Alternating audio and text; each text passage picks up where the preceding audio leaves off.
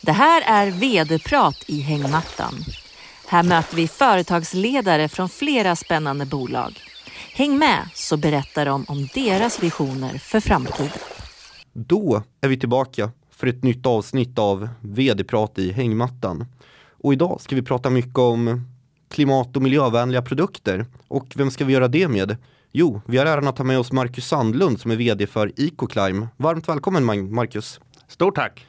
Roligt att ha dig här i studion. Det är ju en varm sommardag i Stockholm och eh, era produkter tänker man ju på då. De eh, skapas för inomhusmiljö. Du får gärna ja, men börja med att berätta lite grann om produkterna och verksamheten. Ja precis. Ecoclimb är ju ett ganska mångfacetterat bolag, men vi jobbar ju med energieffektivisering och förbättring av inomhusklimat i fastigheter. Och en eh, dag som idag när det är så här pass varmt så hade ju våra produkter för att skapa ett bra inomhusklimat varit helt perfekta och framförallt i de här lokalerna. Och det kokar på ganska bra här i poddstudion och vi ska ju som du var inne på tidigare också ha heta diskussioner om, om Ecoclime, Climon bolaget och få lära oss mer om dig. Och jag tänker att det är den punkten vi ska börja på. Vem är egentligen Marcus Sandlund och vad har tagit dig till vd-posten på Ecoclime? Ja, jag började tidigt i byggbranschen. Min morfar hade ett eget byggföretag, så där började jag som liten grabb och fick springa runt med sopkvasten. Så byggbranschen var det tidigt. Efter det sen eh, utbildade jag mig till byggnadsingenjör. Körde vidare på några byggbolag, bland annat Skanska och NCC, där jag jobbar mycket med affärer och fastighetsutveckling inom byggbranschen och stora byggprojekt runt om i hela Sverige. Så det är väl den, den korta vägen hit privat. Så en liten månskensbonde från norra Finspång har lite getter, höns, lever, lever och lär med naturen och tycker det är fantastiskt. Så liksom det är basen och det jag står i och där jag kommer ifrån. Då har vi skjutsfin främmande här då i studion idag. Ja, precis. Stämmer bra. Och eh, ja, du var ju inne och berättade lite om er verksamhet och vad det är ni, ni håller på med som bolag. Men det känns ju också som att era system och lösningar som ni har här för energieffektivisering och inom, inomhusklimat, de ligger rätt i tiden. Ja, så är det ju definitivt och framförallt våra system för energieffektivisering. Om man tittar på Ecoclime som, gru som grupp, så om vi ska vara ett greentech-bolag eller proptech-bolag, det är väl någonting andra får döma ut och säga vad vi, ska, vad vi är för någonting. Men egentligen jobbar vi med smarta innovativa produkter och produktutveckling inom cirkulär energi, inom eh, smarta fastigheter och inom inomhusklimat. Så vi har liksom tre ben att stå på för att optimera en fastighet där vi utvecklar våra egna produkter som vi tillverkar i våra egna fabriker och sen levererar vi färdiga projekt åt våra kunder. Så vi har en stor portfölj med möjliga produkter där vi verkligen kan hjälpa våra kunder.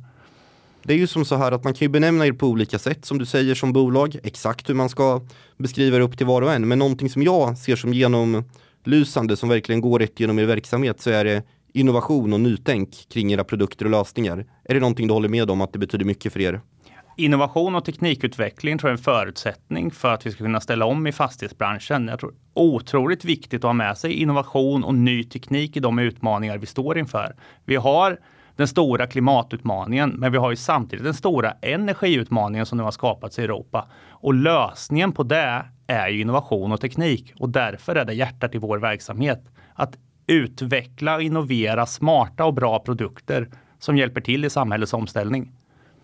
Och fastighetsmarknaden är ju som sagt väldigt, väldigt viktig för er och där, där händer ju mycket om man kollar nu på bara den delsektorn på Stockholmsbörsen då, de största fastighetsbolagen, så är den ner närmare ja, 45 procent i alla fall. Om det pratas mycket om höjda räntor, högre inflation, att det här kan slå mot bolagen och verksamheten. Hur påverkar det här indirekt er?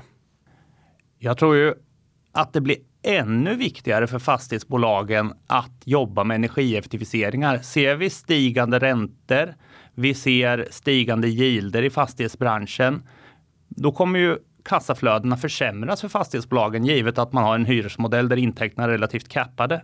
Att då jobba med driftsoptimering och sänka sina driftskostnader på byggnaderna är ju ett naturligt steg för att förbättra kassaflödet från sina fastigheter. Det i kombination med det regulatoriska trycket från lagstiftarna tror jag verkligen kommer göra att energieffektivisering i fastighetsbranschen kommer vara otroligt viktigt framöver och kommer vara verkligen en sektor som kommer trycka på oaktat konjunktur. Omställningen av samhället måste ske. Den kan vi inte vänta tills det blir högkonjunktur nästa gång. Om vi kikar lite grann då på konkurrens. Vilka bolag är det ni slåss om med slåss med uppmärksamheten om helt enkelt och eh, vad gör IcoClime till ett, som du ser det, unikt bolag och bra val? Branschen är ju bred och det poppar upp nya bolag hela tiden som vill jobba med energieffektiviseringar, som vill jobba med smarta fastigheter. Men det som gör egentligen Ecoclime unikt är att vi har den egna produktutvecklingen, den egna tillverkningen och vi levererar färdiga projekt åt våra kunder. Om vi tittar på vårt affärsområde cirkulär energi, där har vi utvecklat ett system som heter Everterm. Everterm är ett system som man kan sätta i sin fastighet för att återvinna energin ur spillvatten, alltså ur ditt avloppsvatten. Och det är en helt unik produkt som eh, inte ingen av våra konkurrenter har. Så alltså vi kan utvinna ungefär 90 procent av all energi som finns i spillvattnet.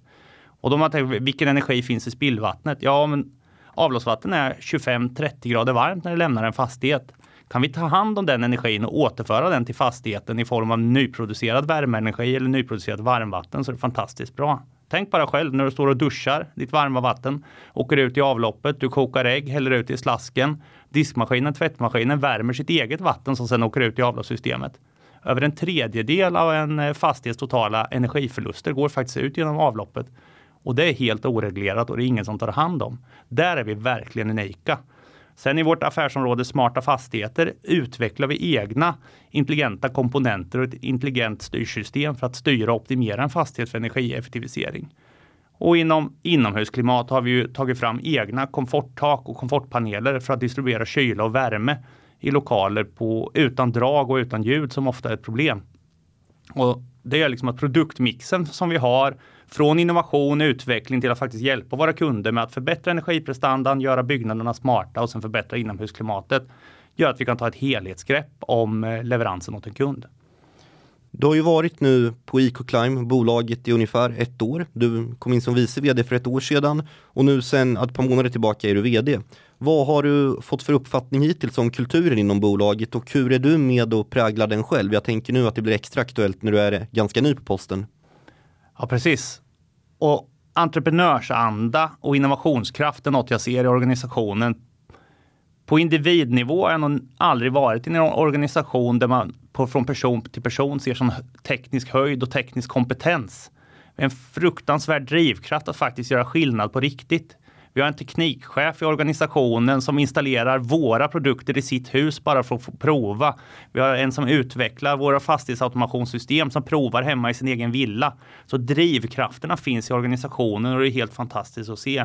Så mitt uppdrag som vd nu är ju liksom att bana väg för att få ut all den här drivkraften och se till att det inte finns några hinder i organisationen och i verksamheten. Så vi får ut all den här kraften för att kunna leverera värdeskapande projekt till våra kunder. Om vi nu kikar på lösningar och ja, men produkter som ni har. Du har ju gått igenom affärsområdena här som är, är spännande att höra om ni har flera olika lösningar. Men om du vill berätta om någon eller några produkter som du tycker att ni har som är lite extra spännande just nu så vore det roligt att höra. Eller här under resten av året. Vad har ni på gång? Vi har ju flera produkter på gång som inte är lanserade än, men de har ju ofta att göra med smarta fastigheter. Eller ofta, just nu har vi mycket produkter på gång som har att göra med smarta fastigheter. Men det riktiga guldägget som vi har i vår verksamhet just nu och som vi verkligen håller på att kommersialisera och säljer på marknaden idag är ju Everterm. Alltså vårt system för att ta hand om energin i spillvattnet. Att kunna återvinna 90-95% av den energi och återföra den till fastigheter, det sänker ju faktiskt energiförbrukningen för värme och varmvattenproduktion med 30 40% av den totala energikonsumtionen. Så det kan göra en stor skillnad direkt bara att sätta in ett sådant system. Och det kan vi göra i såväl nyproduktion som i rot i flerfamiljshus, kommersiella lokaler, sjukhus och andra lokaler som har stora spillvattenflöden. Eller till och med att sätta in det i industriprocesser för att hjälpa industrin att eh, minska sitt CO2-avtryck och samtidigt sänka sina energikostnader.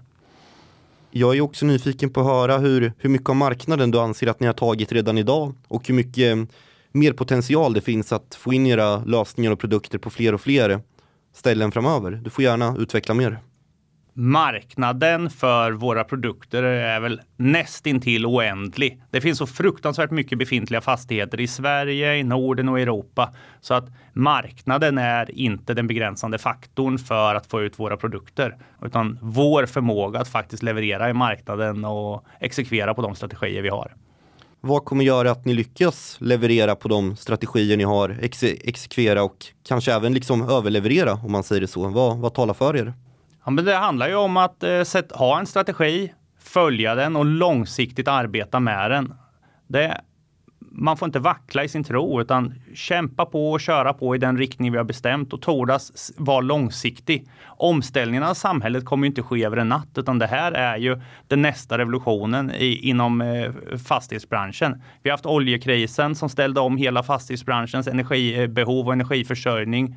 Och nu ser vi den gröna omställningen och när man dessutom vill göra sig oberoende av rysk gas. Och långsiktighet och orka hålla ut och hänga i. Det tror jag kommer vara viktigt i den här processen.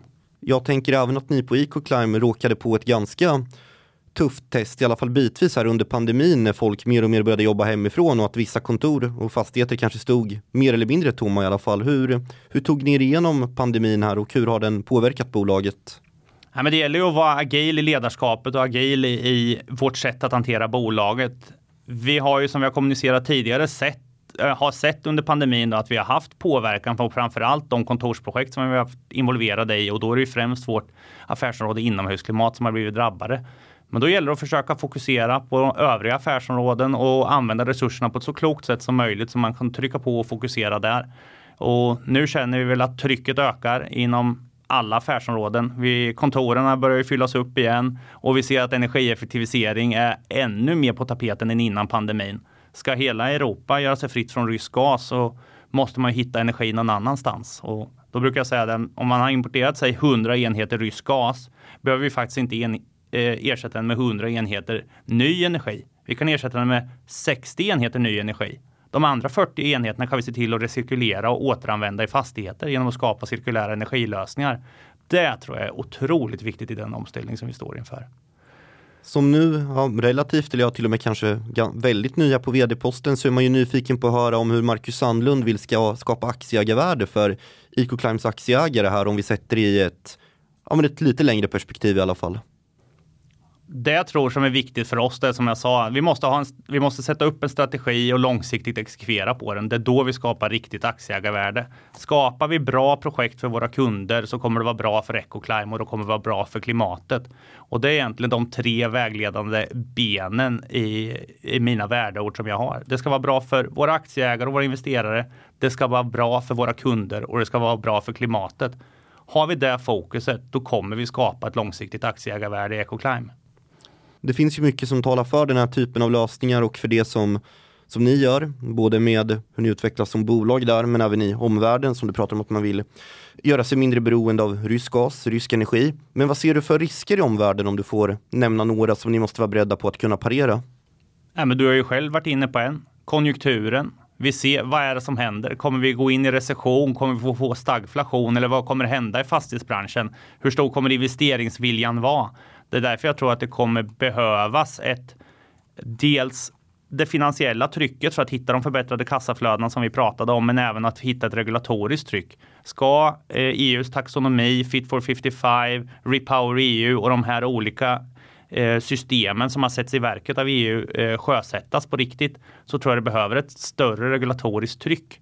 Så risken blir att om det inte blir ett regulatoriskt tryck, hur kommer fastighetsbranschen röra sig då och hur, hur kommer bolagen agera? Låt säga nu att vi, vi ses här igen 2026 eller 2027 och pratar och diskuterar. Vi följer upp och tittar tillbaka på det vi pratade om här idag den 22 juni 2022.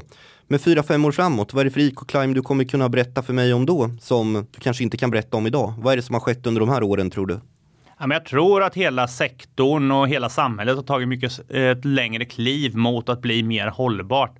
Exempelvis idag är det reglerat hur mycket energi som får läcka ut genom en yttervägg, hur mycket energi som får läcka genom ett fönster och hur mycket energi ett ventilationsaggregat får förbruka.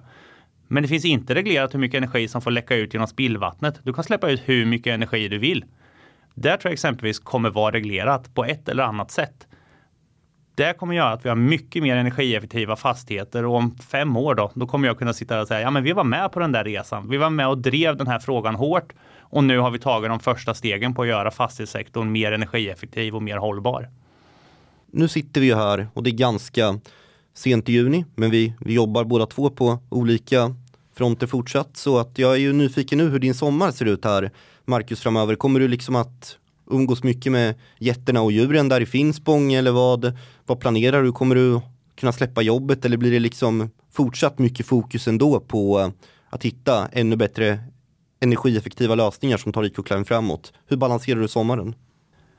Alltså, det är ju mitt första sommarlov som vd, men, eh, vilket i sig är spännande. Men samtidigt har jag ju två små barn, jag har en fru, vi bor på en liten gård så det finns ju saker att göra där med. Men som vd måste man ju alltid ha jobbet i tanken och fundera på vad är nästa steg så man står beredd när hösten kommer. Vi jobbar ju redan nu och förbereder oss som sagt för vad som komma skall och hur vi ska jobba vidare framåt. Och de tankarna kommer ju snurra under hela sommaren. Men planen är väl att vara hemma på gården, jobba där det krävs och jobba hemma på gården och se till att det flyter på och fungerar så man står redo och laddad inför hösten och kan köra plattan i mattan igen.